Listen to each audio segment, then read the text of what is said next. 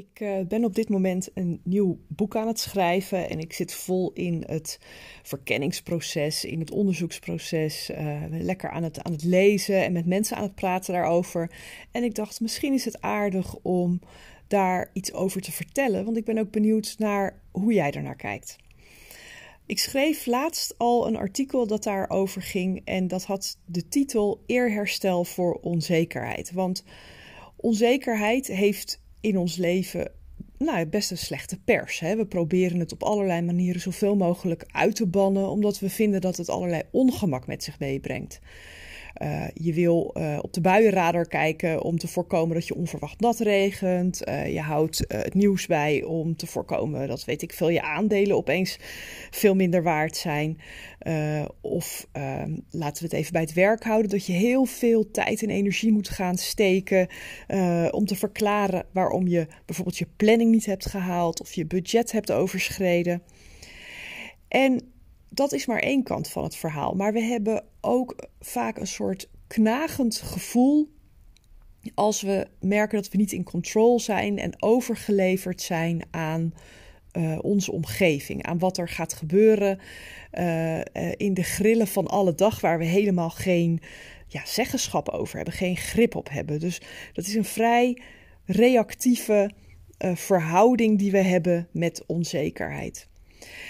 En toen vorig jaar in 2020 de wereld opeens echt piepend tot stilstand kwam, uh, had ik daar zelf ontzettend veel last van. Ik zat de eerste weken echt aan het nieuws gekluisterd, alsof dagelijkse statistieken van uh, positieve tests en IC-opnames, alsof ik daar zekerheid aan zou kunnen ontlenen.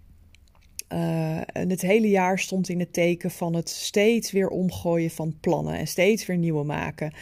Hè, um, de ene keer was het uh, trainingen opnieuw inplannen en weer opnieuw inplannen en weer opnieuw inplannen. En de andere keer was het een vakantie die al geboekt stond, elke keer uitstellen en dan toch weer aflasten. En um, het hele leven leek een tijd lang op losse schroeven te staan. En steeds opnieuw bleek dat voorspellingen die we hadden en, en, aannames die we deden en structuren die we er toch omheen probeerden te, te zetten, dat die niet uitkwamen en dat ja, regels, statistieken helemaal geen bescherming bleken te bieden tegen de realiteit. En de realiteit heeft er natuurlijk sowieso een handje van om uit onverwachte hoek een slag uit te delen. Elke keer als je denkt dat je in control bent, dat je het helemaal in de smiezen hebt en dat het vanaf nu alleen maar de goede kant op kan gaan, of, of in ieder geval de kant op die jij uitgestippeld hebt, dan gebeurt er iets wat, waaruit blijkt dat dat niet zo is. En als we heel eerlijk zijn, is dat natuurlijk nooit anders geweest. Want um, zoals ik in dat artikel ook schreef, onzekerheid en niet weten zijn een soort ja, standaard fabrieksinstellingen van de realiteit. Maar omdat we zo druk waren, um, al, al jarenlang met het bouwen van allerlei constructen om alles zo voorspelbaar mogelijk te maken, hadden we dit pas echt door toen de wereld tot stilstand kwam door iets wat we met z'n allen niet hadden zien aankomen. En waar kun je nu nog op bouwen als helemaal niks zeker is?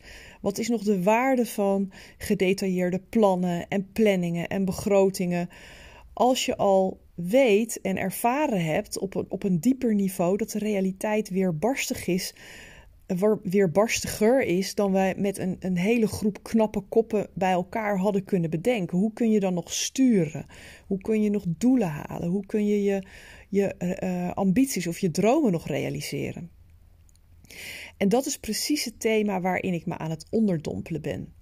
En het vraagt om een flinke paradigma shift. Want de manier waarop ik het je tot nu toe vertel is vrij uh, reactief. En natuurlijk, het, het, maken van constructen daaromheen, hè, uh, uh, statistieken, regels, beleid, dat is natuurlijk allemaal, allemaal redelijk proactief. Maar het is nog steeds een manier om te proberen de realiteit een bepaalde kant op te dwingen. En de paradigma shift die ik nu aan het onderzoeken ben en, en waar ik ook gelukkig allerlei wetenschappelijke mooie uh, uh, onderbouwingen bij vind, is die, uh, die gaat over het erkennen van de waarde van niet weten. Want niet weten heeft een bepaalde inherente, inherente waarde sorry, in zich, die we tot nu toe probeerden uit te bannen met de manier waarop we ermee omgingen. En vanuit een psychologische invalshoek is het natuurlijk helemaal niet zo vreemd dat we heel veel moeite hebben met onzekerheid. Uh, onze allereerste basisbehoefte is veiligheid. En alle vormen van niet weten, van onzekerheid, staan daar op het eerste gezicht natuurlijk lijnrecht tegenover. Onzekerheid en niet weten, dat beschouwen we met het denken waar we in zitten ronduit als een risico. We proberen het op allerlei manieren zoveel mogelijk te vermijden. En natuurlijk beseffen we best dat uh, het leven grillig is, dat de realiteit grillig is. Um, en dat je het nooit helemaal kunt uitbannen. Maar toch zijn we heel diep geconditioneerd om die toevalligheid en grilligheid van het leven zoveel mogelijk aan banden te leggen. En ik zeg het heel eerlijk, ik, ik kijk op dit moment ook op de buienradar, want ik weet dat ik over een kwartiertje het huis uit moet. En ik wil gewoon weten uh, of ik droog overkom. Terwijl de gordijnen gewoon openstaan. Dus daar zit ook, daar, daar, daar zit ook een, manier van denken in die misschien in de laatste jaren nog wel, uh, wel steviger is geworden. En die nieuwe mindset, dat nieuwe denkframe, dat, dat zeker je helpt in je leiderschap om niet weten en onzekerheid veel meer als bondgenoten gaan zien in plaats van als vijand. Dat is waar die shift in zit, waar we op dit moment voor staan. En een aantal mensen zie ik daarin al boeiende dingen in doen. Die gaan daar al in voor. Die zien de kansen al uh, in het, ja, zeg maar, inleunen in dat stuk niet weten. Wat zou er nou gebeuren als we onzekerheid niet weten, niet langer als een soort synoniem voor risico zouden beschouwen, maar het uh, gaan zien als potentieel. Als niets zeker is, is alles mogelijk. Een paar punten als, als persoonlijke ode aan onzekerheid en niet weten. Als we niet weten hoe het in elkaar zit, dan worden we automatisch geprikkeld in onze creativiteit.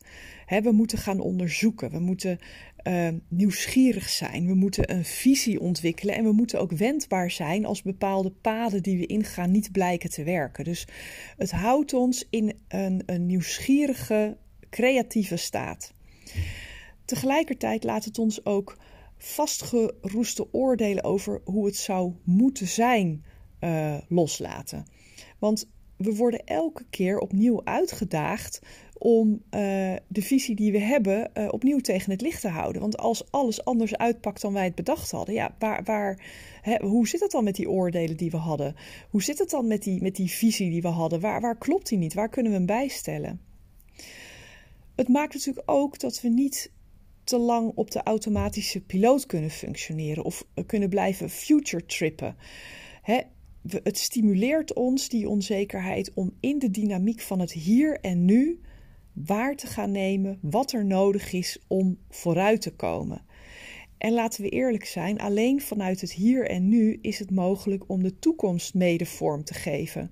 Wat er gebeurt in je omgeving, daar heb je geen invloed op, maar hoe je daarop reageert wel. En op een of andere manier kan je vanuit die staat van um, um, nou ja, het hier en nu en, en werken met wat er is, uh, de toekomst mede vormgeven. En dat is eigenlijk een veel meer, uh, veel krachtiger manier van ermee omgaan dan elke keer reactief proberen er hekjes omheen te timmeren. En wat mij betreft is het meest ondergewaardeerde aspect van onzekerheid dat als niet zeker is alles open ligt. Er ligt een heel veld aan mogelijkheden voor je. En daar liggen zo ontzettend veel kansen in besloten. Um, het maakt dat we um, veel meer in het huidige moment gaan kiezen voor wat de volgende stap gaat zijn. En natuurlijk wil je, als je doelen en ambities hebt, wil je vooruitdenken. En misschien zijn we nu al aanbeland bij de echte betekenis van agility. Het is niet het dogmatische in sprints opknippen van een bepaald project, maar het is uh, een pad uitstippelen en elke keer de lenigheid hebben om te kijken en waar staan we nu en die koers te corrigeren.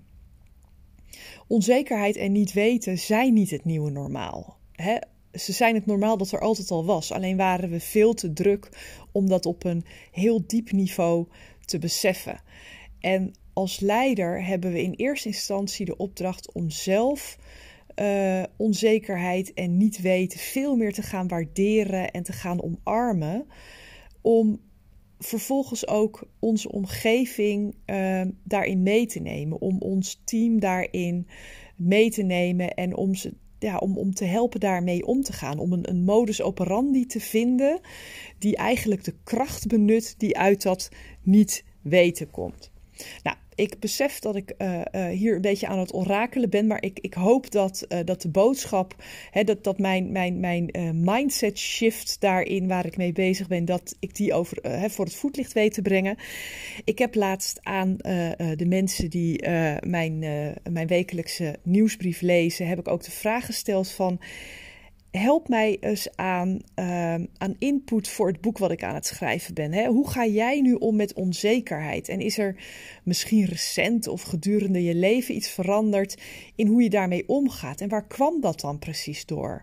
En is hoe je over onzekerheid denkt en over niet weten denkt anders in je werk dan in je privéleven? En daar heb ik een paar hele mooie, uh, maar ook wel ontroerende uh, reacties op gekregen, die ik zeker ook kan uh, gebruiken uh, in de research voor mijn boek. En een van de, uh, van, van de mooie reacties die ik kreeg, die mij ook echt ontroerde, was van iemand die zei dat twee jaar geleden zijn oudste zoon is overleden. En dat je dan een proces ingaat van rouw en verwerking, maar ook dat het leven je op een hele rauwe en, en, en ehm, ja, uh, in your face manier leert om te gaan accepteren, hoe extreem ook. En hij gaf aan van de, de waardevolle les die daar voor hem in zat, was dat hij heel veel energie heeft verspild altijd in zich verzetten tegen hoe het was. Terwijl dit was iets wat zo heftig was dat acceptatie de enige manier was om, uh, uh, om die energie te behouden, om hem effectiever in te zetten. Dus dat was er één die me echt recht in het hart raakte. Uh, een andere reactie die ik kreeg, en die vond ik ook wel heel mooi, was van laten we ehm, uh, vooral ook aandacht houden om blijvend met een kritische blik af te tasten wat echt nodig is. Um, want Ehm, eh, degene die hierop reageerde, ik, zit even, ik pak even de mail erbij zodat ik even de goede essentie eruit kan halen. Uh, die geeft eigenlijk het, het verschijnsel aan wat ik ook wel herken, is dat er heel veel uh, creatieve geesten aan de slag zijn met nieuwe ideeën. Die borrelen op, die uh, moeten leiden tot, tot nieuwe wetten, nieuwe werkwijzen, nieuwe proactieve acties. En die worden als het ware over de schutting gegooid om daar vervolgens iets mee te gaan doen. En zij zegt: uh, de wereld draait snel, maar we hebben ook aandacht nodig om te kijken wat is op dit moment een need to have en wat is een nice to have. En in mijn stuk had ik de metafoor um, voor uh, van dansen met onzekerheid. Um, had ik, uh, had ik gebruikt. En wat zij eigenlijk zegt is: ja, we schieten ook nog wel eens door in creatiekracht en drijven dan los van de omgeving. Hè, we bedenken iets en vervolgens wordt het over de schutting gegooid. En dat zette me even aan het denken van, word ik, ben ik het nu niet te veel aan het verheerlijken, hè, die onzekerheid. Maar toen dacht ik van nee, als je de metafoor gebruikt voor, van dansen met niet weten, dansen met onzekerheid. En op het moment dat je uh, alle inspiratie die daaruit komt bij iemand anders over de schutting gooit, dan is het geen dans, dan is het een solo voorstelling geworden. Dus het verkennen van wat kunnen we vanuit die onzekerheid uh, uh, wat kunnen we daarvoor waarde uithalen? Dat is een gezamenlijke dans. Het is niet één iemand die leidt en de ander aan de, aan de kant uh, uh, die kijkt naar een solovoorstelling als toeschouwer. Het betekent dat je met elkaar in verbinding een taal en een werkwijze geeft om op een constructieve manier de waarde van die onzekerheid te gaan gebruiken. En dat begint met het vormen van een secure base voor je omgeving. Voor het uh, met elkaar kijken van wat gebeurt er en daar duiding aan geven. En het afstemmen van hoe je daarmee omgaat op het, ja, het ritme, om maar even in de dansmetafoor uh, te blijven. Zodat je niet de draagkracht van je omgeving daarmee overstretcht. Dus dat was een aanvulling die ik er nog wel op wilde geven. Want natuurlijk, hè, ik zei al, ik begon te orakelen. Ik schoot wat door in mijn enthousiasme als het ging over een nieuwe nieuw, nieuwe mindset, hè, een nieuw paradigma voor onzekerheid. Maar daar zit wel degelijk ook een verantwoordelijkheid aan om aansluiting te houden bij je omgeving. Uh, om niet los te zingen, om geen solo-voorstelling ervan te maken. Nou, dat was even mijn, mijn, mijn voice note van deze week. Maar als je mij zou willen helpen, dan zou ik je heel erg dankbaar zijn. Want voor mijn boek ben ik dus op zoek naar ervaringen, naar verhalen, naar, naar uh, uh, gewoon jou, jouw eerste ingevingen. Hoe kijk jij naar niet weten en naar onzekerheid? En wat neem je waar in je omgeving? Hoe ga je daar zelf mee om? Is daar in de afgelopen tijd iets in veranderd? En waar kwam dat dan precies door? En um, zie jij ook de waarde in onzekerheid of uh, of juist niet, zie je daar een gevaar in? Als je dat met me zou willen delen, dan uh, kan je me daar ontzettend mee helpen als input uh, en research voor het boek wat er begin volgend jaar aan gaat komen en wat ik nu volop aan het schrijven ben. Dus stuur me dat dan naar Petra. De, de, nou, even opnieuw naar petra.deimplementatiedokter.nl. Maar je kan me natuurlijk ook altijd een persoonlijk berichtje sturen via LinkedIn, via Instagram. Wordt allemaal gelezen en ik zou je daar erg dankbaar voor zijn. Want hoe meer mensen mij hier uh, van waardevolle input kunnen voorzien en hoe meer ervaringen ik kan oogsten, hoe beter het schrijfproces kan verlopen en hoe meer geluiden ik daar ook in kan bieden.